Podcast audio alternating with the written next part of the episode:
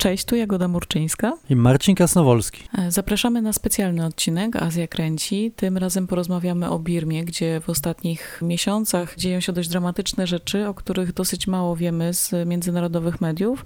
Niemniej jednak mamy wciąż kontakt z artystami, którzy tam mieszkają, z twórcami, którzy od jakiegoś czasu próbują tam tworzyć swoje filmy. I dzisiaj naszym gościem e, będzie Aleksandra Minkiewicz, dyrektorka szkoły filmowej w Rangunie, która przybliży nam nieco to, co dzieje się w ostatnich latach kinematografii birmańskiej która jest dość mało obecna na międzynarodowych festiwalach. Jest to oczywiście kinematografia dość mała i borykająca się z wieloma problemami, ale o tym porozmawiamy za chwilę. Widzowie Pięciu Smaków znają Birmę przede wszystkim z filmów Miliego Z, który jest takim oknem na świat trochę e, birmańskim, e, jeśli chodzi o pokazywanie tamtejszej rzeczywistości ostatniej dekady. Paradoks jest taki, że jest to twórca, którego filmy tak naprawdę w Birmie prawie w ogóle nie były pokazywane ze względu na cenzurę, ze względu na to, że pokazywał swój kraj w taki sposób niemalże dokumentalny.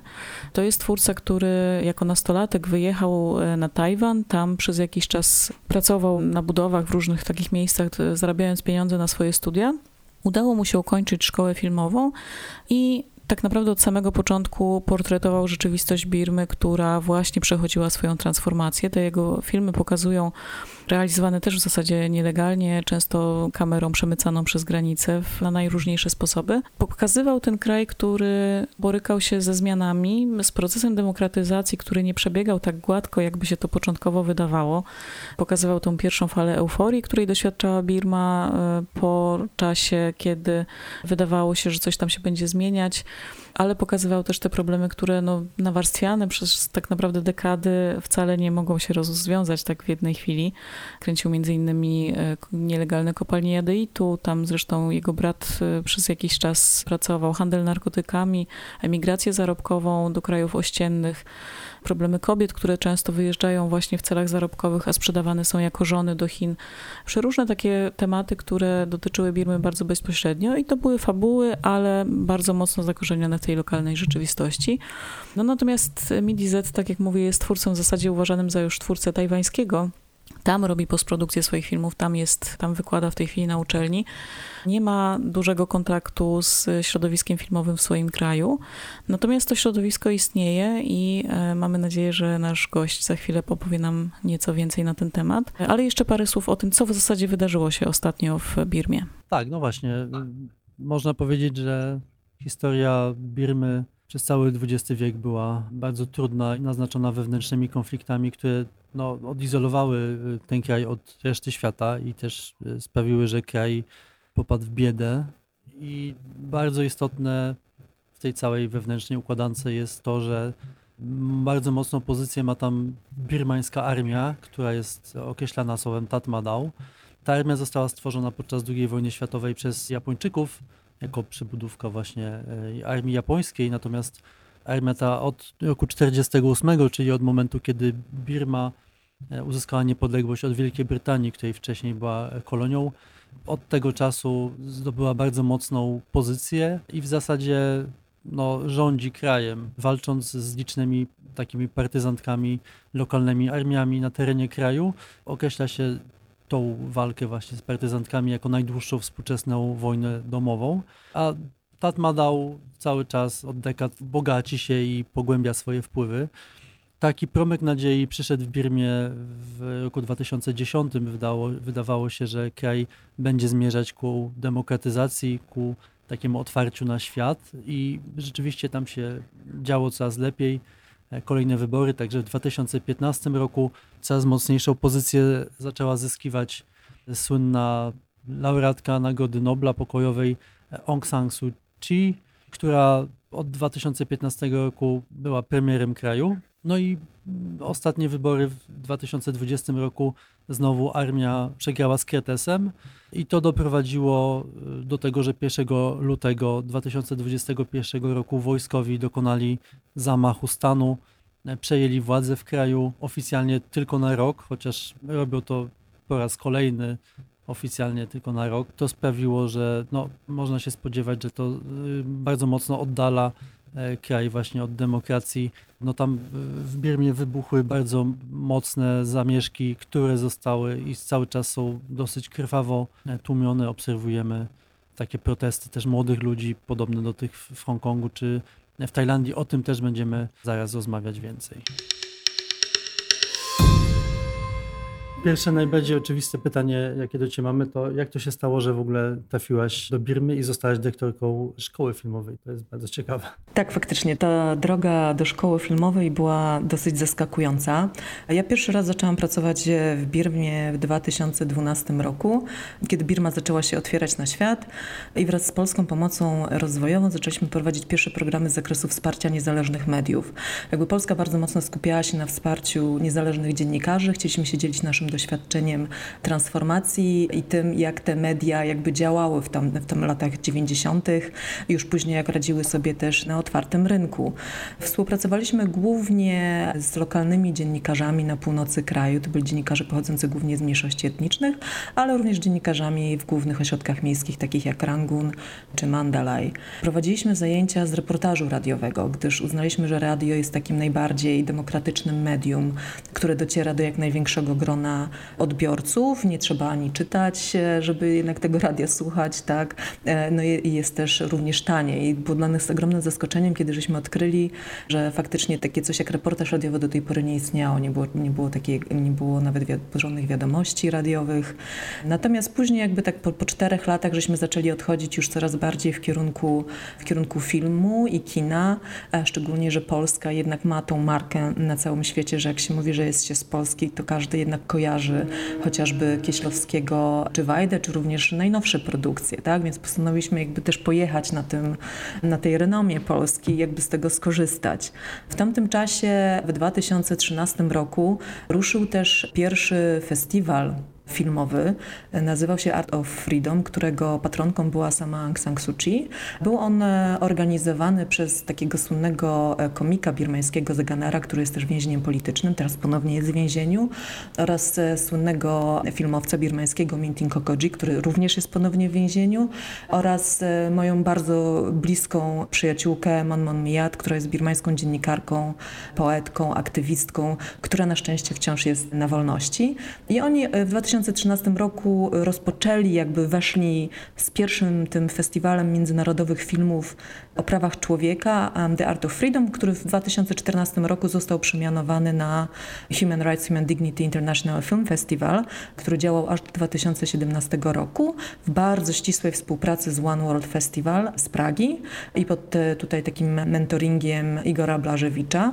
A dlaczego o tym mówię? Ponieważ przez kilka lat udawało mi się właśnie z polskiej pomocy rozwojowej wyciągać środki na wsparcie tego festiwalu, więc e, było tam nasze, nasze logo i jakby też miałam zaszczyt e, dwukrotnie czy nawet trzykrotnie prowadzić ceremonię otwarcia i też zasiadałam niejednokrotnie w jury tego festiwalu, więc było to takie bardzo ciekawe doświadczenie, które też mnie wprowadziło w to całe środowisko filmowe w Birmie, które jest małe, jest dosyć hermetyczne, tam się każdy zna, wiadomo jak to w każdym takim środowisku jest tam dużo animozji, ale, e, ale jest też dużo jakby takiego wsparcia i przyjaźni. Jakby dzięki temu w 2015-2016 roku w pewnym momencie dostałam telefon właśnie z Yangon Film School, z Rangujskiej Szkoły Filmowej, czy przypadkiem nie byłabym zainteresowana. Więc ja oczywiście powiedziałam, że bardzo poproszę o jeden dzień na zastanowienie, natomiast wiadomo, że w głowie sobie krzyczałam o matką, o matką.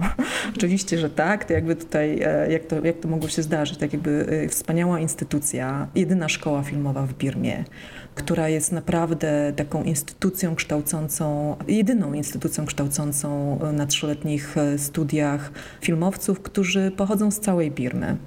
W czasie rekrutacji mamy takie bardzo ścisłe przepisy, że 50% zawsze to są oczywiście mężczyźni, 50% to są kobiety, no ale przynajmniej 50% osób musi pochodzić z mniejszości etnicznych, co w Birmie jest niezwykle ważne. Mamy jakby tą taką dominującą większość Bamar. Tutaj no, szacunki są różne, między 60 do 70% całej e, populacji Birmy. To cała w ogóle scena filmowa i w ogóle medialna w Birmie przez dekady była zdominowana przez właśnie Bamarczyków, chłopaczków i mężczyzn. A jakby celem ranguńskiej szkoły filmowej jest wprowadzenie takiej większej różnorodności do mediów, ale też do filmu, jakby pokazanie perspektywy e, mniejszości etnicznych, ale także kobiet tak, pochodzących z mniejszości etnicznych, gdyż one podlegają dyskryminacji na wielu różnych poziomach. E, nie tylko jako kobiety w bardzo patriarchalnym społeczeństwie, ale również jako osoby pochodzące z mniejszości etnicznych i oczywiście często osoby z mniejszości etnicznych nie są buddystami, czyli są albo muzułmanami, albo chrześcijanami, albo hindusami, albo w ogóle animistami, tak? Więc one są um, dyskryminowane na wielu różnych poziomach i ich historię też chcemy opowiadać. Także właśnie zaczynając od tego całego procesu rekrutacji, ale później również też przez trzyletnie studia, które oni mają w naszej rangujskiej szkole filmowej, staramy się te kobiety jakby też wzmacniać i zachęcać do nauki i również specjalizacji w takich do tej pory działach postrzeganych głównie za męskie, takie jak e, montaż dźwięku, operatorka kamery, tak, jakby to były takie w Birmie, ale też również na całym świecie, to były takie działki postrzegane jako głównie męskie. Jeśli chodzi o reżyserię, tutaj nie mamy problemu, natomiast ten dźwięk to jednak widzę, jakby to jest cały czas to przyciskanie tych guziczków i przesuwanie, to jest jednak domena mężczyzn, ale z roku na rok coraz więcej udaje nam się e, mieć jednak kobiet kobiet na, na, tym kursie. Myślę, że co jest ważne do podkreślenia, że oprócz tego, że jesteśmy jedyną szkołą filmową w Birmie, to te studia są bezpłatne. Jesteśmy zarejestrowani jako organizacja pozarządowa.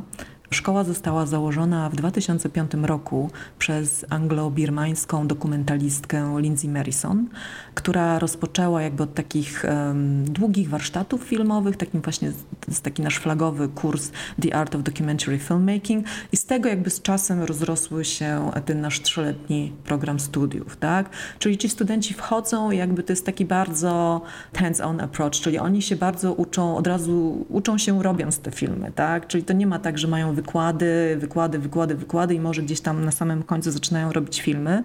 Nie, oni praktycznie w drugim tygodniu dostają kamery do ręki, e, sprzęt do nagrywania i uczą się robiąc, robiąc te filmy, tak? Czyli kręcą takie pierwsze krótkie filmy, potem się uczą jak je edytować, jak e, działa cała postprodukcja, jak się robi dźwięk. Oczywiście do tego dochodzą tłumaczenia napisów, które są też niezwykle istotne, bo to nie jest tylko tak, żeby sobie przetłumaczyć, ale też trzeba dobrze zsynchronizować, żeby to jakoś tam też się widzą dobrze działało, więc ma ogromną wagę. U nas w ogóle postprodukcja to jest jeden z takich największych, e, największych tematów, gdzie faktycznie siedzimy i nad tymi napisami końcowymi, i na tym, żeby wszystko było dobrze przetłumaczone i żeby, te, żeby każdy jakby dostał swoją, swój napis tam, e, żeby nikt nie został pominięty. Studenci nasi otrzymują również stypendium, niewielkie, pozwala im to na to, żeby się utrzymać w Rangunie. Tak jak mówiłam, większość pochodzi z, jakby z małych miast i miasteczek, gdzieś naprawdę w jakichś odludnych zakątkach Birmy, co potem zresztą widać w filmach, gdyż jak oni dostają temat do zrobienia, oni wracają właśnie do tych miejsc, skąd pochodzą, tak? I kręcą filmy na terenach sobie znajomych, poruszając tematy, które są im bardzo bliskie. Nierzadko widzimy rodzi ich rodziny w tych filmach, tak? To są bardzo ciepłe, bardzo takie osobiste opowieści, nierzadko tragiczne, no ale właśnie dzięki temu, że nasi studenci pochodzą z tych wszystkich regionów, my mamy tak praktycznie wszędzie dostęp. W 2018 roku chociażby rozpoczęliśmy taki temat kobiety i proces pokojowy, który później się przekształcił w temat e, młodzież i proces pokojowy, który trwa do tej pory. My w ogóle mamy taką politykę, że mm, po prostu rzucamy im temat i co oni zrobią z tym tematem, to jest ich sprawa, tak? Jakby nie chcemy oczywiście za bardzo ingerować w tą ich niezależność artystyczną, natomiast po drugiej stronie mamy też wymagania naszych donorów, więc musimy jakoś tam pójść na kompromis, więc to jest jakby taki taki kompromis. Także ogólnym tematem jest właśnie to te kobiety w procesie pokojowym. Ale dlaczego o tym mówię? Właśnie dzięki temu, że nasi studenci pochodzą z tych mniejszości etnicznych, my mogliśmy produkować filmy dokumentalne na terenach i też w obozach armii etnicznych, do których normalnie nie mielibyśmy w ogóle dostępu, tak?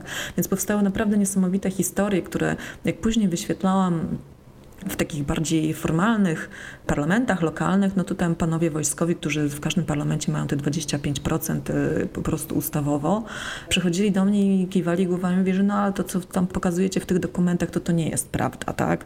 Bo to tak faktycznie nie wygląda, przecież w tym kraju nie ma wojny i w ogóle wszystko jest cudownie i wspaniale, a poza tym ta aktorka to źle grała. Więc jakby dokument sam jakby w Birmie jeszcze jest taką troszeczkę nowością, tak? Oni jakby nie za bardzo, Birmańczycy nie rozumieją rozumieją, czym jest dokument, że tam nie ma gry aktorskiej. Ta, ja, my tam nie piszemy dialogów, tak? My pokazujemy rzeczywistość taką, jaka jest. Ponieważ w Rangujskiej Szkole Filmowej wychodzimy z założenia, że kształcimy naszych studentów i studentki w dokumencie, ponieważ z tego wiemy, że oni potem mogą pójść tak naprawdę w każdym kierunku. Jeżeli będą mieli bardzo dobry warsztat, taki podstawowy, no to potem jakby będzie im już łatwiej, tak? Mamy oczywiście też zajęcia z pisania scenariuszy filmowych i kilka lat temu zaczęliśmy kręcić takie krótkie formy, które my nazywamy true fictions, czyli to jest jakby taki taki niby paradokument, który jest inspirowany prawdziwą historią, ale jest realizowany na podstawie scenariusza. Tak, więc chcemy też pokazać studentom, jak to działa e, troszeczkę inaczej, że takie formy też mogą powstawać, co pozwala nam na czasami opowiedzenie historii, których nie moglibyśmy opowiedzieć jakby w dokumencie. Taką formą jest też dla nas animacja. W 2018 roku, kiedy po raz pierwszy zaczęliśmy produkować te dokumenty z serii e, Kobiety i w procesie pokojowym w Birmie, zauważyliśmy, że jest ogromna potrzeba opowiedzenia historii kobiet, które doświadczyły przemocy seksualnej i też przemocy ze względu na to, że są po prostu kobietami z obu stron, i czy to armii birmańskiej, czy to armii etnicznych. Natomiast nie można było tego oczywiście opowiedzieć z użyciem kamery, tak pokazując te twarze, ponieważ nikt nigdy by się na to nie zgodził. Jednak ta stygmatyzacja jest na tyle ogromna, jakby w każdym kraju na świecie, a szczególnie w Birmie, że te kobiety bardzo chciały opowiedzieć te historie, natomiast no, nie mogły jakby pokazać swojej twarzy. Więc tutaj jakby żeśmy wymyślili coś takiego właśnie jak e, docu-animation, czyli nagrywamy, mamy autentyczne nagrania e, głosu kobiet, które nam opowiadają swoje nierzadko bardzo traumatyczne historie i na to e, we współpracy naprawdę z topowymi animatorkami takimi jak Lisa Kraft z Nowego Jorku, czy Debjani Mukherjee z Indii, tworzymy animacje artystyczne, czy z wykorzystaniem piasku, czy animacji 3D. Naprawdę tych form jest bardzo wiele. Jakby każdy nasz, nasza animacja jest realizowana w, za pomocą innych technik, natomiast historia jest zawsze opowiedziana autentycznym głosem kobiet, które doświadczyły tej przemocy seksualnej. I faktycznie te firmy, jak żeśmy je wyświetlali w Birmie, no to one się spotkały z bardzo ciepłym przyjęciem. Wydaje mi się, że po raz pierwszy ludzie w Rangunie w ogóle słyszeli te historie. My żeśmy je wyświetlali podczas Dnia Kobiet w 2018 roku po raz pierwszy w takim dużym parku Mahabandula w centrum Rangunu. Na ogromnym ekranie i tam faktycznie było kilkaset osób na tym pokazie, siedzieli na, na trawie. Jak to w Birmie to trwa piknik, ale faktycznie gdy zaczęła się projekcja tych naszych animacji dokumentalnych, to po prostu była absolutna cisza, taka, że aż mieciarki przechodziły, bo to faktycznie było niesamowite, że oni po raz pierwszy mogli usłyszeć te historie. Takich rzeczy nie ma w telewizji birmańskiej. Nikt nie pokazuje tego, co naprawdę się dzieje na tych prowincjach etnicznych. Tak? Dlatego w Yangon Film School jakby uważamy, że to jest e, też jakby nasz obowiązek, tak, taki nasz mandat, żeby te historie opowiedzieć, żeby dać kamerę do ręki tym młodym ludziom, żeby oni pojechali tam i te filmy nakręcili i my potem pomagamy je produkować. A jaka jest, ilu jest w ogóle studentów w szkole i też jaka jest w ogóle motywacja tych ludzi, którzy właśnie trafiają, no rozumiem też z jakimiś oczekiwaniami, czy oni marzą o wielkiej karierze i o realizowaniu filmów właśnie takich mainstreamowych, blockbusterowych, czy to jest rzeczywiście już jakby przychodzą sprofilowani i myślą o opowiadaniu jednak własnych historii? Tak naprawdę ile mam studentów i studentek, tyle też jest motywacji do przyjścia do Ranguńskiej Szkoły Filmowej, do Yangon Film School. My prowadzimy nabór co dwa lata. To jest taka bardzo rekrutacja selektywna, ale bardzo inkluzywna. Jak wspomniałam wcześniej, zawsze przyjmujemy tylko 12 studentów. To jest zawsze 6 kobiet, 6 mężczyzn w wieku między 25-34 lata. No i jak mówiłam, to jakby też staramy się, żeby przynajmniej 50-60% osób pochodziło z mniejszości, z mniejszości etnicznych. Motywacje są bardzo różne. Oprócz tego, że jesteśmy jedyną szkołą filmową w Birmie, która prowadzi tego typu jakby kompleksowe studia filmowe, istnieje też Departament Filmu na, na tak zwanym NUAC-u, czyli to jest National University of Arts and Culture i w Rangunie i w Mandalay. E, natomiast oni się skupiają głównie na wykładach, głównie ze względu na brak wykształconej kadry i brak sprzętu filmowego. Zresztą niejednokrotnie sami kształciliśmy tą kadrę, która uczyła się u nas i potem przechodziła właśnie na uniwersytety birmańskie. A wracając do rekrutacji, oni motywacji mają bardzo różne. Chyba nie ma osoby, która by wiedziała cokolwiek o tym, czym jest dokument. Jakby dopiero w Film dowiadują się, co to jest. Dowiadują się o nas za pośrednictwem takiej poczty pantoflowej oczywiście Facebooka, który jest, Facebook jest tak naprawdę internetem w Birmie i za pośrednictwem Facebooka wszystko się załatwia. Kochają kino, kochają filmy, ale kochają też sztukę. To są osoby bardzo często z takim wykształceniem artystycznym, ale też trafiają do nas osoby po, e, po właśnie studiach na, e, na tym Uniwersytecie Sztuk Pięknych, ale też e, fotografowie i sporo dziennikarzy, którzy jakby chcą dalej kształcić się w tym kierunku, ale też sporo osób, które po prostu nie wiedzą, co ze sobą zrobić. No i usłyszało o szkole i spróbowały swojego szczęścia, tym bardziej, że tak jak mówię, no to jest szkoła w pełni płatna co jest jednak bardzo dodatkową zachętą. My postawiliśmy na taki model, ponieważ chcemy dać równe szanse wszystkim, również osobom bardzo utalentowanym, które inaczej nie mogłyby sobie pozwolić na studia w takiej szkole. I wychodzimy z założenia, że osoby, które na to stać, a jest takich sporo w Birmie, mogą sobie po prostu wyjechać czy, czy do Singapuru, czy do innego kraju w regionie, czy, czy do Stanów, co często też jest. Tak się dzieje, że właśnie ta nowa fala birmańska po 2010 roku, która tak się szybko rozwinęła, to są głównie ludzie, którzy powracali właśnie ze Stanów, z Kanady, czy, czy gdzieś tam e, z Japonii, e, chociażby i zaczęli robić filmy w Birmie.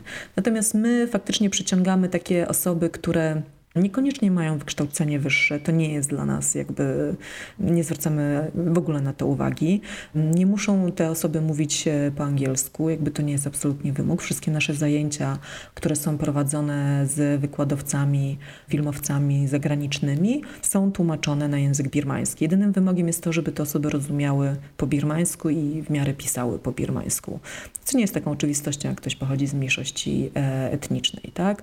Więc to jest jakby nasz jedyny wymóg i oczywiście oczywiście mamy bardzo taki, każda osoba, która złoży aplikację jest zaproszona potem na rozmowę do Rangunu, która jest prowadzona przez przedstawicieli studentów i założycielkę szkoły Lindsay Marison, która co te dwa lata przylatuje do Rangunu specjalnie właśnie po to, żeby tą rekrutację przeprowadzić. I muszę przyznać, że ona faktycznie ma świetne oko, bo ona tak z tych 80-90 aplikacji, które co dwa lata dostajemy, naprawdę potrafi wyłuskać takie perełki i, i widać te talenty potem e, e, w tych, tych filmach, które produkujemy. Niesamowite jest to, co mówisz o tym, że dajecie tym e, swoim uczniom kamerę i oni wyjeżdżają do swoich miejscowości rodzinnych.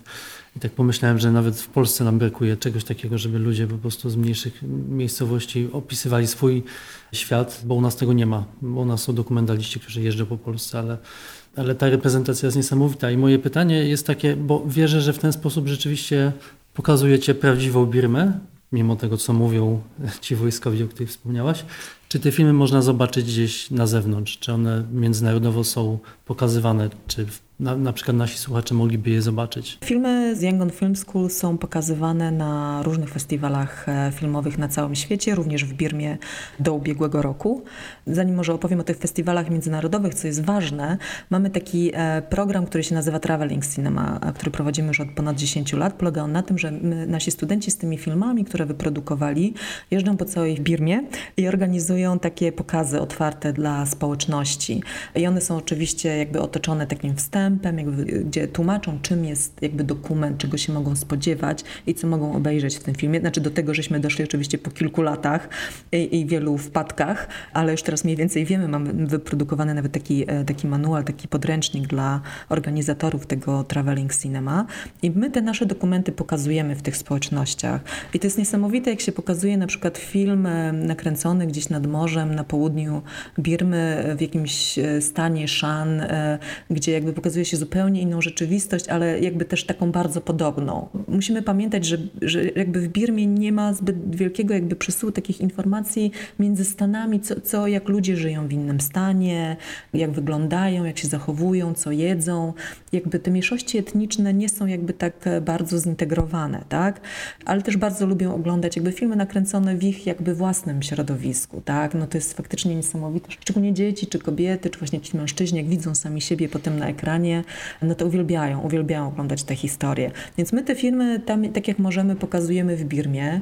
Niestety y, tylko chyba dwa czy trzy razy udało nam się pokazać filmy w birmańskiej telewizji, ale to jest e, droga przez mękę po prostu, żeby tam cokolwiek wcisnąć do takiej telewizji publicznej, ale również na festiwalach lokalnych e, filmowych, czy właśnie wspomnianym wcześniej Watan Film Festival, czy jakichś takich innych festiwalach online, które w ubiegłym roku szczególnie były bardzo popularne w czasie pandemii. Natomiast nasze filmy z Yangon Film School my również zgłaszamy na festiwale na całym świecie. Do tej pory udało nam się e, zdobyć 43 nagrody na takich najbardziej znanych festiwalach filmowych, e, czy to w Japonii, czy w Korei Południowej, w Niemczech, we Włoszech, Francji, no naprawdę na całym świecie. I e, najbardziej nas cieszy to, kiedy możemy tych naszych studentów wysłać na to, żeby mogli pojechać na taką ceremonię, pokazać ten swój film. To jest dla nich niezwykle ważne. Oni się czują niezwykle dumni nie tylko z tego, że pokazują swój często pierwszy film, tak, czy drugi film, który nakręcili, ale też reprezentują reprezentują swój kraj, tak jakby i pamiętam e, też czas w 2017 roku, kiedy musiałam jeszcze ich przygotowywać specjalnie przed każdym wyjazdem, bo się skarżyli, że wszyscy się ich pytają tylko o tych Rohingjów. Oni przecież jest tyle innych historii do opowiedzenia, a każde pytanie jakby po festiwalu filmowym ci Rohingya, więc ja tam wykorzystuję jakby moje doświadczenie e, bycia też rzeczniczką prasową kiedyś, uczyłam ich o tym, jak mogą to jakby, jakby przekuć na, na własną korzyść, taki jakby też opowiedzieć historię o tym, jak wygląda życie innych mniejszości etnicznych, tak jak Szanów, Kaczynów czy Czynów, którzy nierzadko również jakby są mocno dyskryminowani, jakby prowadzą od dekad już wojnę partyzancką z armią birmańską. Więc mamy w szkole, wracając do wątku, specjalny fundusz właśnie dla studentów, którzy wyjeżdżają i wtedy jak możemy, dzielimy się kosztami pół na pół, każdy płaci tam jakąś e, część. Czasami zwracamy się do ambasad kraju, do którego taka osoba jedzie, czy to jest ambasada Hiszpanii, czy na przykład ambasada Niemiec, które e, często chętnie nas wspierają jakby w partycypowaniu w tych kosztach, bo wiemy jak, jak bardzo ważne to jest. Mamy zresztą koordynatorkę e, do spraw festiwali, Hanę Hut, która e, pracuje z nami e, w Berlinie. W naszym biurze, takie malu, mamy malutkie biuro w Berlinie i właśnie ona z tego biura koordynuje, jakby zarządza tym, gdzie jaki film powinien trafić. Jakby to jest jej główne zajęcie, które studenci widzę, że coraz bardziej doceniają, bo wiem, że w pewnym momencie byli trochę niecierpliwi, szczęśliwi, że jej to tak wolno idzie. Zaczęli sami się tym zajmować i mówią, a do teraz rozumiemy, że to, to nie jest takie proste i że to trwa troszeczkę jednak dłużej, bo jest ten cały cykl. No i też nie każdy festiwal jest warty, tak? Więc filmy można oglądać na festiwalach, międzynarodowych festiwalach filmowych. Część naszych filmów jest dostępna na YouTubie, na naszym kanale YouTube, natomiast to są starsze produkcje, gdyż e, tak długo jak te filmy jeżdżą po festiwalach, my nie udostępniamy ich oczywiście online i też takie nasze największe hity, że tak powiem, takie no, najbardziej już utytułowane filmy dokumentalne, no my udostępniamy jednak za niewielką opłatą, ponieważ cała szkoła, tak jak mówiłam, my się utrzymujemy z dotacji, no jakby no nie jest łatwo o te dotacje na kulturę, jak wiadomo, nigdzie na świecie, więc jakby to też jest do nas jakiś taki dodatkowy przychód. My żeśmy sprzedali nasze filmy w ubiegłym roku do biblioteki w Wielkiej Brytanii, chyba na SOAS, niestety nie pamiętam teraz, i do y, Biblioteki Uniwersytetu y, w Waszyngtonie. E, I tam te filmy można, studenci mogą sobie bezpłatnie oglądać w bibliotekach, a e, również dla uczczenia jakby tej setnej rocznicy kina birmańskiego w grudniu ubiegłego roku przekazaliśmy 100 naszych filmów do Państwowej Biblioteki w Rangunie, gdzie każdy przychodzący może sobie też te filmy obejrzeć. No właśnie, jak wygląda przyszłość tych studentów po szkole, bo no tak jak wspomniałaś, to nie jest wielka branża filmowa. I jestem ciekawa, czy jest jakby na tyle dużo lokalnej produkcji, że oni są w stanie sobie tam e, znaleźć dla siebie miejsce, czy też e, dzieje się tak jak w krajach wielu innych, takich jak Kambodża czy właśnie Singapur, że rozwija się też taka cała e, sieć postprodukcji filmów, które powstają na zachodzie, bo to wiemy, to na przykład mamy kontakt z animacją animatorami z Kambodży, którzy robią gigantyczną pracę właśnie dla wytwórni hollywoodzkich na przykład. Czy w ogóle jest taka przestrzeń? To są tak naprawdę dwie, dwie kwestie. E, w ramach e, Yangon Film School mamy też takie nasze przedsiębiorstwo społeczne, które się nazywa Yangon Film Services, które jest tak naprawdę firmą produkcyjną i my tam e, zatrudniamy naszych studentów, którzy jakby nie tylko mogą sobie zarobić pieniądze, ale również jakby kształcić się dalej, ponieważ zawsze mamy tego mentora, który otacza opieką całą produkcję dokumentu. Naszymi klientami są głównie duże organizacje pozarządowe, takie jak Save the Children czy Oxfam, delegacja Unii Europejskiej, Światowa Organizacja Zdrowia, dla której e, w ubiegłym roku wyprodukowaliśmy też wiele animacji na temat pandemii, czy też e, organizacje, które prowadziły projekty humanitarne czy edukacyjne, no i teraz chciałyby jakby pokazać większej publiczności to, jak te, te projekty ich się potoczyły, jaki miały wpływ na życie lokalnych społeczności. Tutaj na szczęście również przy naszym wsparciu wpadają na ten świetny pomysł, że lepiej zamiast produkować kolejny raport, nakręcić film dokumentalny, gdzie można opowiedzieć i pokazać tym właśnie, jak te projekty są e, realizowane, bo wiadomo, że obraz jednak dużo bardziej przemawia i lepiej trafia do publiczności, więc na ich potrzeby produkujemy jakby w tym momencie taki 20, około 20-minutowy film dokumentalny i taki krótki trailer. W ubiegłym roku żeśmy w ogóle zaczęli, ruszyli z pierwszym takim kursem produkcji trailerów, ponieważ studentom się to bardzo podoba, jest to też e, dla nas ważne, żeby mieć takie właśnie krótkie e, trailery, na, żeby wysyłać na festiwale filmowe, czy też również wrzucać nasz, naszą stronę na Facebooku, żeby zachęcać ludzi też do oglądania potem dłuższego materiału. Też jednak ta kultura oglądania filmów na social media jest taka, że po pięciu minutach każdy traci jakby już tutaj uwagę i, i przełącza na coś innego, więc my chcemy jednak ich zachęcić do tego, żeby oni dalej to oglądali. Mieliśmy tutaj świetną edytorkę Fiona Strain z Australii, która po prostu poprowadziła genialny warsztat e, właśnie z produkcji tych e, krótkich trailerów i, i teraz dalej pracujemy już nad tym, żeby uzupełnić te nasze zapasy. Więc to jest jakby to, co, co my robimy. To nie przynosi nam naprawdę jakichś tam wielkich pieniędzy. To głównie polega na tym, żeby ci studenci mieli gdzie jakby też pracować. Natomiast wydaje mi się, że mamy, jak na skalę światową, mamy rewelacyjne wyniki. Co roku prowadzimy badania wśród naszych studentów i absolwentów. 70% osób nadal nadal pracuje w branży filmowej lub wykorzystują umiejętności z y, Young on Film School w swojej pracy. Oni pracują albo jako wolni strzelcy, albo mają swoje własne firmy produkcyjne, co jest bardzo ciekawe, nawet jeżeli pracują przy produkcjach takich komercyjnych, e, gdzie nierzadko pracują przy produkcjach, które są nagradzane birmańskimi nagrodami filmowymi, szczególnie za dźwięk, mhm. który jest naszym takim na, naprawdę tutaj flagowym produktem, to oni w ten zarobione w ten sposób pieniądze przeznaczają na produkcję swoich własnych filmów, które wciąż poruszają te kwestie praw człowieka czy mniejszości etnicznych, E, takich im bardzo, im bardzo bliskich. Poza tym e, wciąż jest ogromne zapotrzebowanie na osoby z takim wykształceniem filmowym, które potrafią dobrze trzymać kamery, są świetnymi operatorami właśnie filmowymi, czy operatorami dźwięku, czy które potrafią edytować. Więc nasi studenci, absolwenci są zatrudniani jako dziennikarze, czy właśnie mm, e, operatorzy kamery przez największe agencje światowe, medialne i kręcą dla nich materiały filmowe. I z czego my jesteśmy oczywiście bardzo dumni, kiedy właśnie ogląda się później taką Al Jazeera, BBC czy, czy Channel News. Ja wiem, że to jest e, praca wykonana przez naszych studentów i studentki. Tak, jak wygląda, kiedy przychodzą do Was te osoby do szkoły? Jakie e, inspiracje u nich widzicie? Czy oni oglądają na przykład stare kino birmańskie i tym się fascynują, czy raczej są wpływy na przykład zachodnie i mają jakichś swoich mistrzów? Czy dużo filmów spoza Birmy trafia w ogóle na, na, do obiegu? Czy można je oglądać, nie wiem, w internecie i tak dalej? Jak to wygląda? Bardzo rzadko zdarza się, że osoby, które trafiają na ten pierwszy rok do Yangon Film School są zaznajomione z takim wielkim kinem, że tak powiem, tak?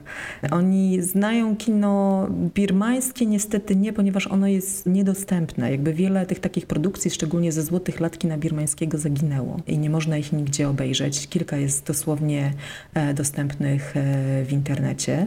Na ekranach kin można oglądać głównie produkcje, takie największe hity kinowe ze Stanów, ale również produkcje bardziej z regionu, tak? czyli to są produkcje japońskie, koreańskie, malezyjskie jakby tutaj stąd pochodzi też ta główna inspiracja.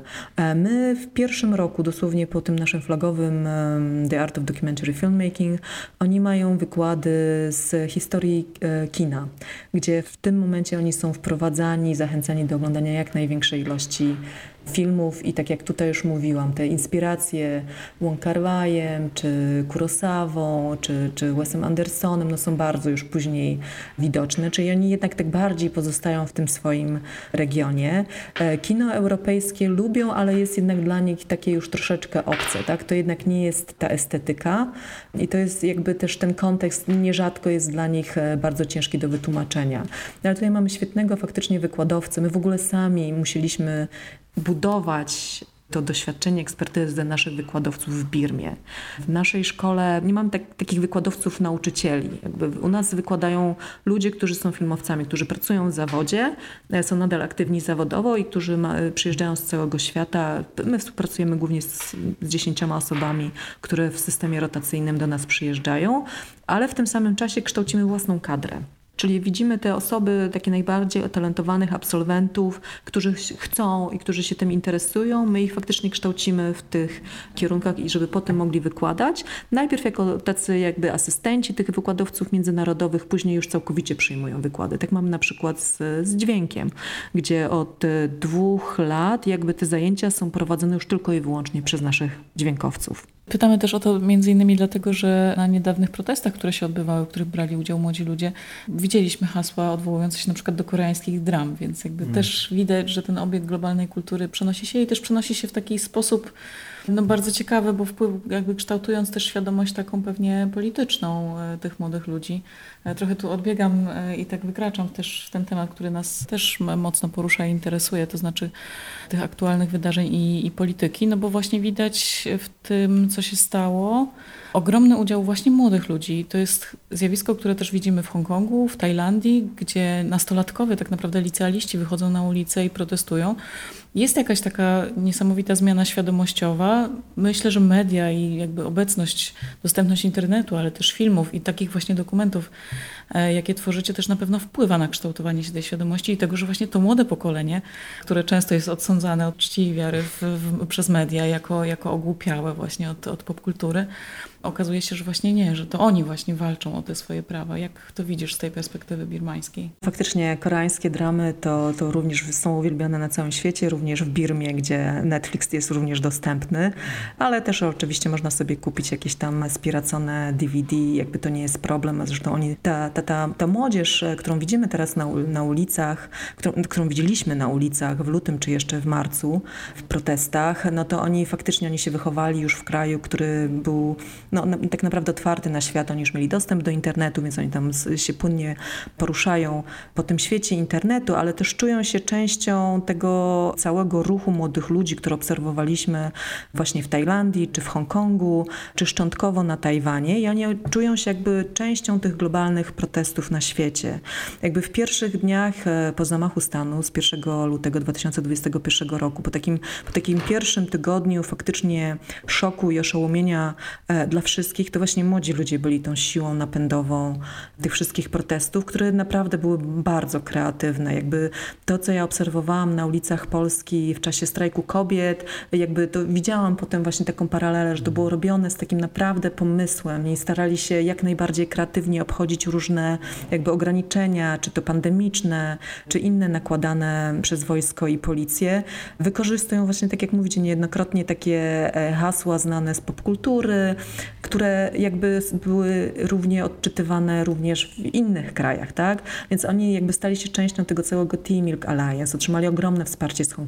Jakby po pierwszym tygodniu w obiegu już krążył taki podręcznik demonstranta, który został z chińskiego przetłumaczony na birmański właśnie przez osoby z Hongkongu, tak żeby wesprzeć protestujących w Birmie, więc jakby to całe wsparcie, jakby ta cała wymiana doświadczenia była tam bardzo mocno widoczna. Szczególnie też dlatego, że pamiętajmy, że w Tajlandii jest ogromna mniejszość birmańska, tam kilka milionów ludzi, więc oni też bardzo szybko jakby to całe doświadczenie pozyskiwane tam przenosili na grunt birmański. Tak, mówi się o tym, że na przykład w Hongkongu nie powstało wiele profesjonalnych dokumentów, ale tak naprawdę wszystkie to, to, to co się działo, było cały czas rejestrowane. Czy jest jakaś szansa, że to kiedykolwiek w ogóle trafi gdzieś w, przestrzeń publiczną? Po szafranowej rewolucji w 2008 roku wszyscy doskonale pamiętamy jakby film Burma Vijay, który był słynny na całym świecie, który został wyprodukowany przez duńskiego mm, reżysera Andersa Ostergarda, e, wykorzystując właśnie materiały filmowe nagrywane przez birmańskich reporterów i dziennikarzy, nierzadko z narażeniem życia. Oni nagrywali to naprawdę z ukrytych kamer poukrywanych e, pod kurtkami, e, filmując z ukrycia. Po tym jakby cały rząd birmański stał się bardzo wyczulony w ogóle na to, kto co filmuje, tak? Jakby po 2007 roku te media i dziennikarze byli faktycznie w bardzo ciężkiej sytuacji, ponieważ każdą osobę z kamerą automatycznie postrzegali kogoś, kto ten materiał filmowy będzie wysyłał na tak zwany zachód, tak? Za granicę, gdzie będzie on jakoś e, wykorzystywany.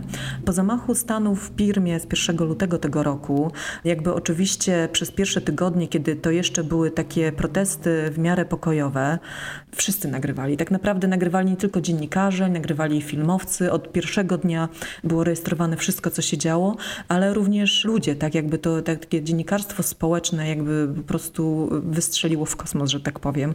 Każdy nagrywał tym, czym mógł, komórką. Faktycznie tych materiałów e, w sieci, czy na Telegramie, czy na zamkniętych grupach facebookowych krążyło mnóstwo. Tak długo jeszcze, jak było to możliwe, właśnie międzynarodowe stacje, które mają lokalnych dziennikarzy na miejscu, którzy są świetnie wykształceni, naprawdę potrafią znaleźć e, dobre tematy i znaleźć dobre osoby, żeby opowiedzieć e, dobrze historię, oni kręcili.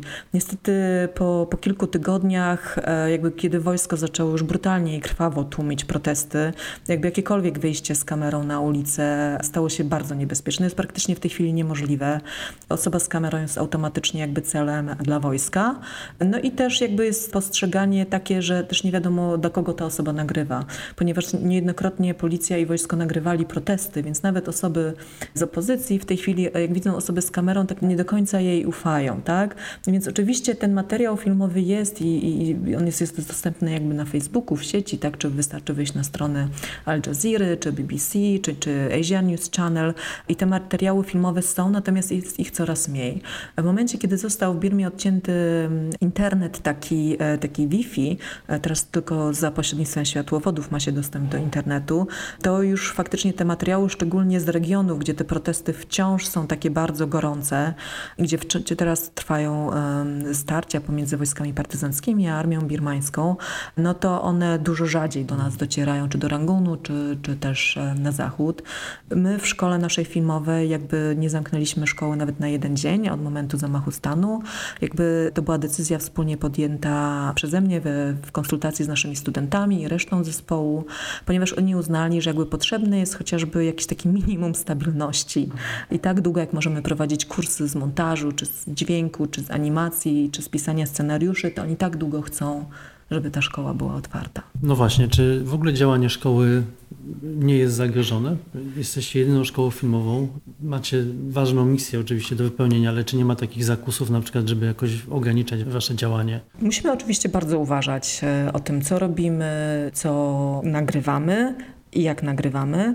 W tej chwili wypuściliśmy tak zwanego kola na produkcję czterech filmów etnograficznych opowiadających o dziedzictwie kulturowym i dostaliśmy 13 zgłoszeń. Te osoby, które zostaną wybrane, dostaną granty na produkcję. Oczywiście zostaną oni otoczeni opieką przez naszych mentorów, więc uznaliśmy to za taki bezpieczny dosyć temat, taki, który umożliwi nam dalsze filmowanie, ale też jakby będzie pozwalał studentom na to, żeby nadal jakby uczęszczać do naszej szkoły.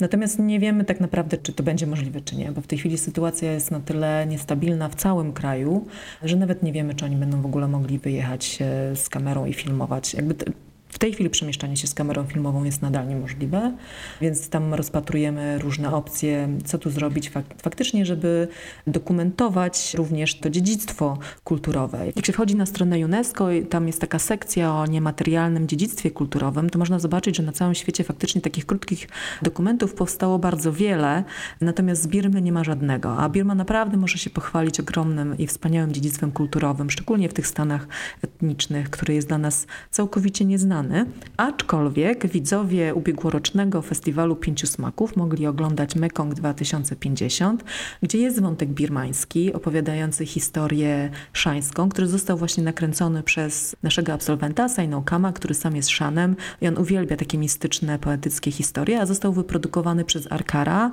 który jest absolwentem Yangon Film School, skończył też produkcję na Busan Film School, a w tej chwili jest e, moim zastępcą. Wtrącę tylko, że Sainał Kam był też gościem wirtualnym naszego festiwalu. Zapis naszej rozmowy dotyczącej filmu Mekong 2030 jest nadal dostępny na naszej stronie w archiwum 14 edycji Pięciu Smaków. Wróćmy jednak do tematu mediów birmańskich dzisiaj. Dosłownie kilka dni po zamachu stanu, jakby główne media, takie najbardziej znane, niezależne, zostały, dostały jakby zakaz, zostały zamknięte, została im cofnięta licencja na nadawanie. Zresztą oni jakby pomni doświadczeń z lat 80. czy z 2008 roku po szafranowej rewolucji szybko wyjechali. Tutaj mówię o Mizimie, DVB czy innych takich słynnych mediach, które powstawały zresztą na emigracji, potem po 2012 roku wróciły do Birmy i teraz niestety znowu musiały e, na tą emigrację e, wyjechać, czy to do Norwegii, czy to do Chiang Mai, czy do Indii, które są takimi tradycyjnymi kierunkami dla, dla dziennikarzy i filmowców birmańskich. Jakby nie są w stanie oni w tej chwili już nadawać z Birmy. My w tej chwili jesteśmy jedyną bodajże niezależną instytucją medialną w kraju, która jeszcze działa. Dlatego, tak jak mówię, dla nas najważniejsze jest to, żeby móc nadal działać, żeby kształcić filmowców, żeby dokumentować to, co się dzieje w kraju, ale bez narażania jakby czy to naszych studentów, czy też pracowników na jakiekolwiek niebezpieczeństwo. Dziś sytuacja jest trudna z oczywistych względów, ale jak to wyglądało jeszcze kilka lat temu? Mówiłam wcześniej o Midim Z, który był gościem Pięciu Smaków. Pokazywaliśmy jego filmy, które właśnie były bardzo realistyczne, pokazywały trudne strony birmańskiej rzeczywistości, no i nie miały w zasadzie żadnych szans na pokazy w kraju. Sam twórca był w zasadzie persona non grata przez długi czas i dopiero w 2016 roku pokazano jego drogę do Mandalay, ale to był już tak naprawdę film, który rozgrywał się w Tajlandii, opowiadał o migrantach birmańskich, którzy tam szukali pracy, więc nie były to bezpośrednio problemy Birmy, ale w jakim stopniu te filmy produkowane przez studentów, realizowane przez studentów, czy one musiały musiały się w ogóle mierzyć z cenzurą? W jakim stopniu scenariusze podlegają takiej cenzorskiej ocenie? Cenzura jest, była i ma się bardzo dobrze i trzeba się niestety nauczyć z nią żyć, jak się chce kręcić filmy w Birmie. W 2012 roku została cofnięta cenzura prewencyjna, niestety tylko dla mediów i dla prasy drukowanej. Pozostała dla filmu, więc każdy, kto produkuje, kto chce w ogóle ruszyć z jakąkolwiek produkcją filmową, musi najpierw wysłać takie całe zgłoszenie ze scenariuszem, całą obsadą, z budżetem do zatwierdzenia właśnie do tego censorship board i dopiero wtedy po otrzymaniu takiego pozwolenia można ruszyć z produkcją filmową. W dokumencie jest troszeczkę inaczej, gdyż oczywiście my nie możemy wysłać obsady, czy nie możemy wysłać scenariusza, więc y, my działamy w ten sposób, że te filmy nasze produkujemy i później już jak są gotowe wysyłamy właśnie do cenzury, jeżeli chcemy, żeby ten film był pokazywany w Birmie. Jeżeli jest pokazywany tylko i wyłącznie poza granicami kraju, wtedy oczywiście nie ma problemu. Natomiast wszystkie filmy, które uważamy, że są w stanie przejść przez cenzurę, my tam wysyłamy. I oczywiście w Birmie, tak samo jak w Chinach czy też w Korei, cenzura bardzo nie lubi, kiedy się kraj pokazuje w ich mniemaniu złym świetle. To znaczy, że tam pokazywane jest ubóstwo, czy pokazywane jest coś, że coś się źle dzieje, że jest jakaś przemoc domowa. My niejednokrotnie oczywiście spotykamy się z takimi komentarzami, a bo w tym filmie dokumentalnym Lost Boy to te dzieci palą papierosy. No oczywiście to jest film o dzieciach ulicy i oczywiście one wąchają klej i palą papierosy, ponieważ taka jest rzeczywistość. My tego nie możemy wyciąć, tak? Czy też e, w tych animacjach dokumentalnych, które robiliśmy, no one jakimś tam cudem przeszły przez tą cenzurę, no ale tam jej się nie podobało jednej pani, że ta kobieta cały czas używa słowa wojna, ale przecież wojny nie ma. Mówię, no, ale wojna jest. I poprosiła nas, żebyśmy my to zmienili, ten scenariusz. Ja mówię, no, ale to są jej własne słowa, ona to opowiada własną historię, ona używa słowa wojna, wojna w tym kraju jest, no i my tego nie zmienimy, tak?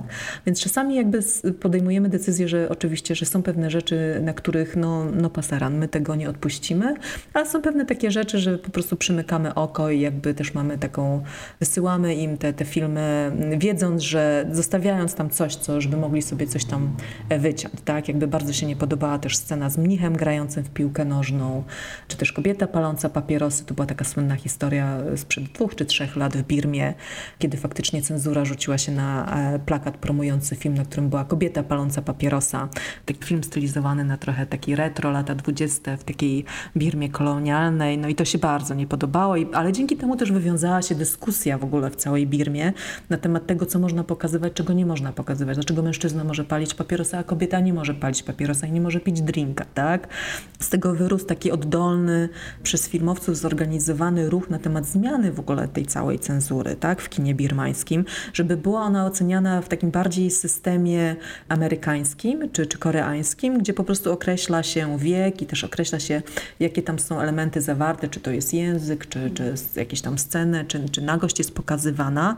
Jakby to zyskało również nawet aprobatę ówczesnego ministra informacji, no natomiast jakby to teraz e, się rozeszło, jakby nie ma możliwości z huntą wojskową, żeby w ogóle na ten temat e, rozmawiać, jeśli chodzi o zmianę cenzury. Wspomniałeś, że w zeszłym roku kinematografia birmańska obchodziła stulecie i powiedziałeś też, że wiele filmów klasycznych zaginęło, nie można ich oglądać. Co w takim razie jest co wypełnia telewizję i jakie filmy Birmańczycy uważają za klasyczne kino, które znają, do którego się odwołują? Trudno mi powiedzieć, ja birmańskiej telewizji nie oglądam, znaczy oglądam bardzo rzadko, jak bardzo muszę. I to są przede wszystkim te dramy koreańskie, takie soap opery. To już nawet nie są dramy koreańskie, takie, które my znamy, to są te takie opery mydlane, rozciągające się. Namiętni Birmańczycy produkują takie szybkie produkcje, właśnie takie e, opery mydlane birmańskie, gdzie po prostu i, i dźwięk jest okropny i te dialogi są naprawdę straszne i gra aktorska jest taka bardzo egzaltowana, taka bardzo sztuczna. Natomiast oni to lubią, jakby to się ogląda. Jak się rozmawia też ze starszym pokoleniem, tym takim, e, które dorastało w latach 80. czy 90., no to dla nich punktem odniesienia są filmy propagandowe produkowane przez e, taki e, Wydział Komunikacji ówczesnej hunty wojskowej. I to są też nierzadko takie produkcje, które oczywiście mają pokazać, jakie niebezpieczeństwa niesie za sobą to, że studenci, którzy jakby tutaj demonstrowali w 1988 roku na ulicach Birmy, potem uciekli do dżungli, żeby prowadzić tę wojnę partyzancką, jak wiele niebezpieczeństw na nich tam czeka. Jakby ten sam film potem skłonił wielu rodziców do tego, żeby namawiać swoje dzieci, żeby oni jednak nie wyjeżdżali. Wielu się też przestraszyło. I do tej pory oni to pamiętają, pamiętają ścieżkę dźwiękową, pamiętają tą całą historię. Tak? Wiele powstało filmów mających pokazać, jak wspaniała jest armia birmańska. Ja, nie, ja nierzadko miałam rozmowy z moimi przyjaciółmi birmańskimi, którzy mówili o tym, jak te filmy wpłynęły na to, że oni bardzo chcieli nawet wstąpić do tej armii birmańskiej, tak? bo to był taki ideał, to był ten taki żołnierz, który bronił kraju przed obcym najeźdźcą. Pamiętajmy o tym, że Birma była kolonią brytyjską, potem przez, e, była przez kilka lat pod brutalną okupacją japońską, więc jakby cały czas jakby w tej mentalności pozostaje coś takiego, że ten kraj trzeba bronić przed tym obcym najeźdźcą. Tak? I to przez te filmy było bardzo mocno utrwalane, więc oni pamiętają tych aktorów, którzy grali tych wspaniałych wojskowych broniących kraju, którzy są tacy prawi, tacy dzielni, honorowi. I potem się też śmieli, że po tej propagandzie wojskowej przyszedł czas na propagandę NGO-sową, tak? ponieważ można było produkować filmy tylko właśnie albo o tym procesie pokojowym, o którym mówiłam, albo można było produkować filmy tylko, które poruszały tematykę LGBT, albo tutaj y, równości kobiet, a teraz to się produkuje filmy tylko o tym, a teraz to się produkuje filmy o tym, tak? Więc y, szczególnie ci młodzi filmowcy, oni się bardzo mocno buntują przeciwko temu, jakby chcą produkować własne, niezależne filmy, natomiast jakby pozyskanie już funduszy i dotacji na to jest y, tym bardziej w obecnej sytuacji pod ogromnym znakiem zapytania. Co ich inspiruje, co jest dostępne? No jakby dostępne jest wszystko. Jakby wchodzi się do sklepu z DVD, można sobie kupić no wszystko, nawet polskie klasyki można kupić. Więc naprawdę jeśli się chce, to te filmy można oglądać i oni faktycznie jak im się już później pokaże kierunek, to oglądają wszystko i czerpią szczególną radość właśnie z oglądania jakichś klasyków, czy to hongkońskich, czy koreańskich, japońskich, ale też oczywiście, no wiadomo, kino amerykańskie to zawsze i wszędzie, komedie romantyczne e, również. A jak wygląda to odzyskiwanie właśnie kanonu birmańskiego filmu? Bo wspomniałeś wcześniej, że w szkole filmowej jest kurs historii filmu, która właśnie jest odkrywana tak naprawdę na nowo. Historię filmu takiego międzynarodowego, światowego prowadzimy od samego początku powstania, natomiast dopiero w ubiegłym roku udało mi się wprowadzić taki kilkudniowy kurs, w którym poruszana jest w ogóle cała historia kina birmańskiego. Miałam przez wiele lat w ogóle problem z kimś, kto mógłby jakby tą wiedzę zebrać. Jest oczywiście wiele osób, które pamiętają jeszcze czasy, te złote czasy kina birmańskiego, to są jakieś lata 50. do, do 70., które w tamtym czasie produkowały, czy jest wciąż jakby bardzo aktywnych wiele gwiazd, które występowały w tych filmach, natomiast nie ma osoby, która mogłaby to jakoś zebrać i opowiedzieć. Ja też przygotowując się do dzisiejszej rozmowy, tam sobie robiłam taki drobny research i tak jak mówię, nie ma w jednym miejscu jakby zebranej tej całej wiedzy o tych stu latach kina birmańskiego, ponieważ za narodziny kina birmańskiego umownie przyjmuje się 1920 rok, kiedy to powstały dwie bardzo ważne produkcje. To były jeszcze czasy kolonii brytyjskiej, natomiast Birmańczyk On Mang o pseudonimie London Art utworzył tak zwane Birma Film Production już w 1918 roku, właśnie z zamiarem produkcji pierwszego takiego filmu birmańskiego pod tytułem Love and Liquor, czyli miłość i alkohol, czyli dwie rzeczy, które Birmańczycy uwielbiają. I jakby ta produkcja, no ona miała tam swoje wzloty i upadki, jakby brakowało sprzętu, czy też nie było tych umiejętności, które były potrzebne do produkcji. Natomiast w międzyczasie zmarł niestety taki słynny polityk birmański Utain Shein. I ten reżyser, Uon Mang, postanowił jakby udokumentować ten pogrzeb, więc ten film, tę, tą kronikę filmową, tak naprawdę na to się te, mówimy, kronikę filmową, w tamtych czasach to był dokument, uznaje się za pierwszy film birmański. Później udało się wyprodukować ten Love and Liquor, który został po raz pierwszy wyświetlony w kinach w październiku 1920 roku i został bardzo gorąco jakby przyjęty przez publiczność, której bardzo podobała się właśnie taka historia trochę miłosna, taka trochę takie kino akcji. Później jakby te produkowano coraz więcej takich kronik filmowych, które dokumentowały przede wszystkim ważne wydarzenia, ceremonie, czy też takie katastrofy naturalne. Jedną z ważniejszych kronik filmowych jest e, film dokumentujący proces Sayasana, który był przywódcą takiej chłopskiej rebelii w latach 30. Więc e, ten Uon Mang, e, który później jakby wszedł, tak, używając dzisiejszego sformułowania, w fuzję z inną filmą produkcyjną i powstało A1 Film, zwrócił się do rządu brytyjskiego z prośbą o pozwolenie właśnie na dokumentację tego procesu.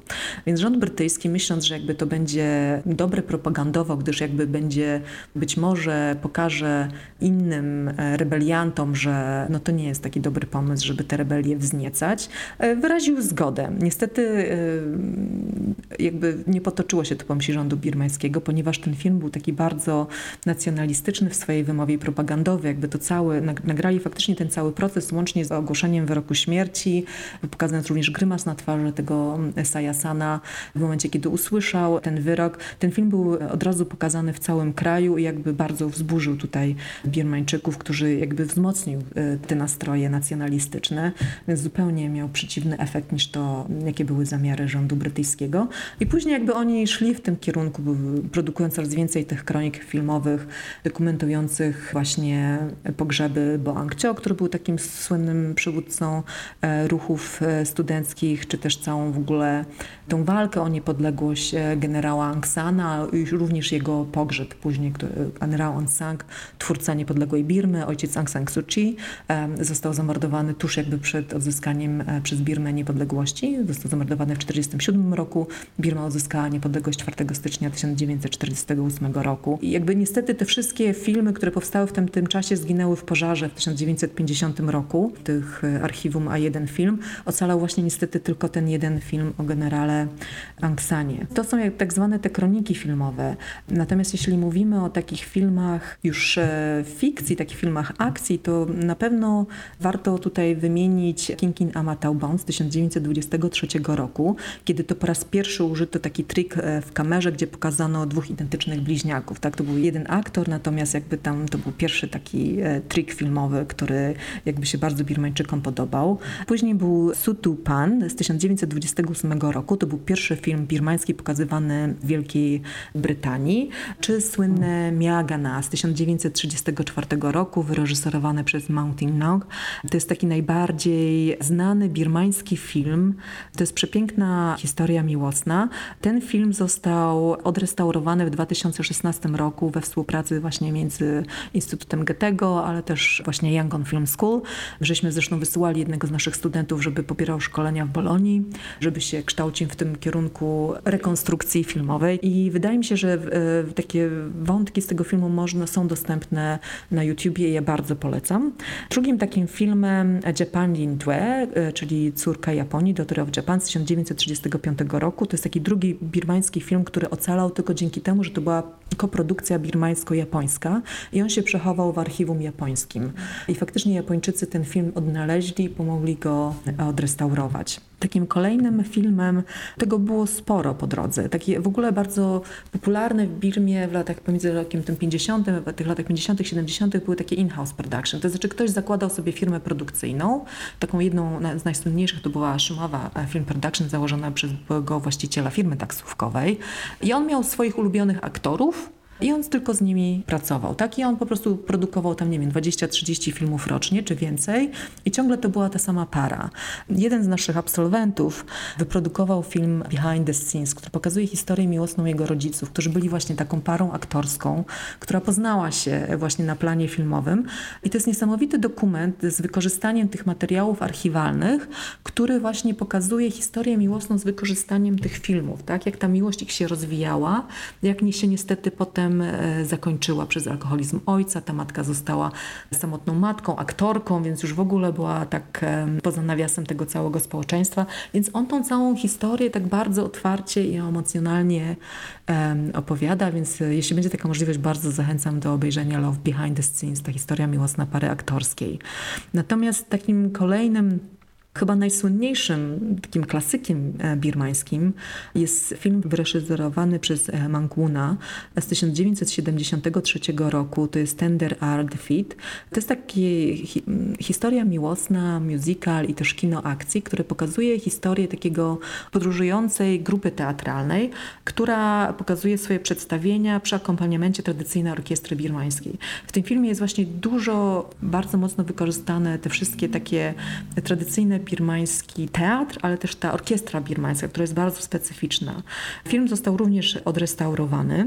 Wydaje mi się, że co jest ważne, to że mimo, że ten film został wyprodukowany w 1972 roku, czyli w też takich najczarniejszych czasach dyktatury birmańskiej, on jest e, jakby taki bardzo, bardzo radosny i jakby w ogóle nie pokazuje tego świata wojny, świata wojska. I jeśli my pytacie o klasyki, to wydaje mi się, że to będzie taki klasyk birmański, ten, ten Derard Defeat. Ta wspaniała historia miłosna pomiędzy tą taką bardzo ambitną aktorką i tym takim bardzo kornym muzyku, który się w niej zakochuje. Ja brałam udział w pokazie tego filmu na otwartym powietrzu kilka lat temu na żywo z orkiestrą birmańską, która faktycznie robiła ten cały dźwięk i to było niesamowite. To było naprawdę coś niesamowitego. Mam nadzieję, że takie coś kiedyś będzie możliwe e, w Warszawie, bo faktycznie ten film jest e, wspaniały i bardzo taki, no śmieszny, tak? Jak na film wyprodukowany w latach 70. w Birmie. A czy teraz, w ostatnich latach, jest młode pokolenie filmowców, którzy działają i kręcą dobre filmy w Birmie? Tak, na szczęście jakby po takim e, troszeczkę spadku po 2000 roku można obserwować jakby takie odrodzenie się kina birmańskiego.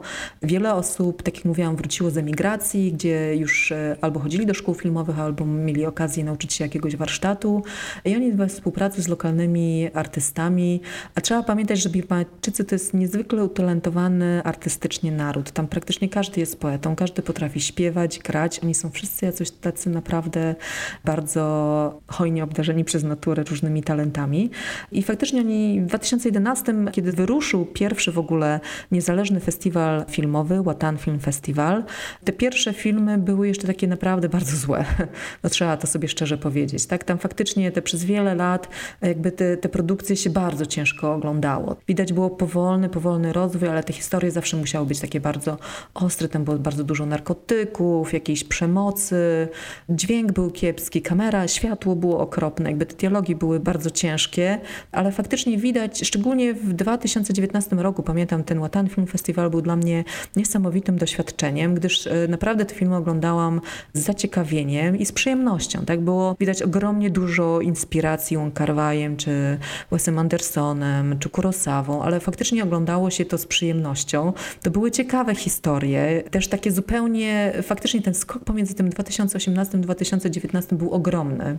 Więc ja już tutaj e, naprawdę wyczekiwałam bardzo mocno tego, co się wydarzy na tej scenie kina birmańskiego w tym roku, no ale niestety ze względu na aktualną sytuację polityczną w tej chwili powstaje niewiele produkcji, aczkolwiek e, jakby ci filmowcy udało im się uzyskać duże wsparcie, czy to z e, Locarno w ramach programu Open Doors, czy też od nas z Yangon Film School, gdzie dostają jakby granty na swoje małe produkcje, czy starają się też współpracować z koreańskimi festiwalami filmowymi, Jakby widać, że tam coś się gotuje i jakby ja bym bardzo patrzyła mocno na Birmę w tej chwili, gdyż na pewno w następnych latach będzie tam powstawać e, bardzo wiele ciekawych produkcji filmowych. Nie wiadomo, czy będzie można je produkować w Birmie, czy to będą osoby, które wyjadą. Niestety bardzo wiele osób już e, wyemigrowało, tych bardzo utalentowanych, ale na pewno warto spoglądać w tamtym kierunku.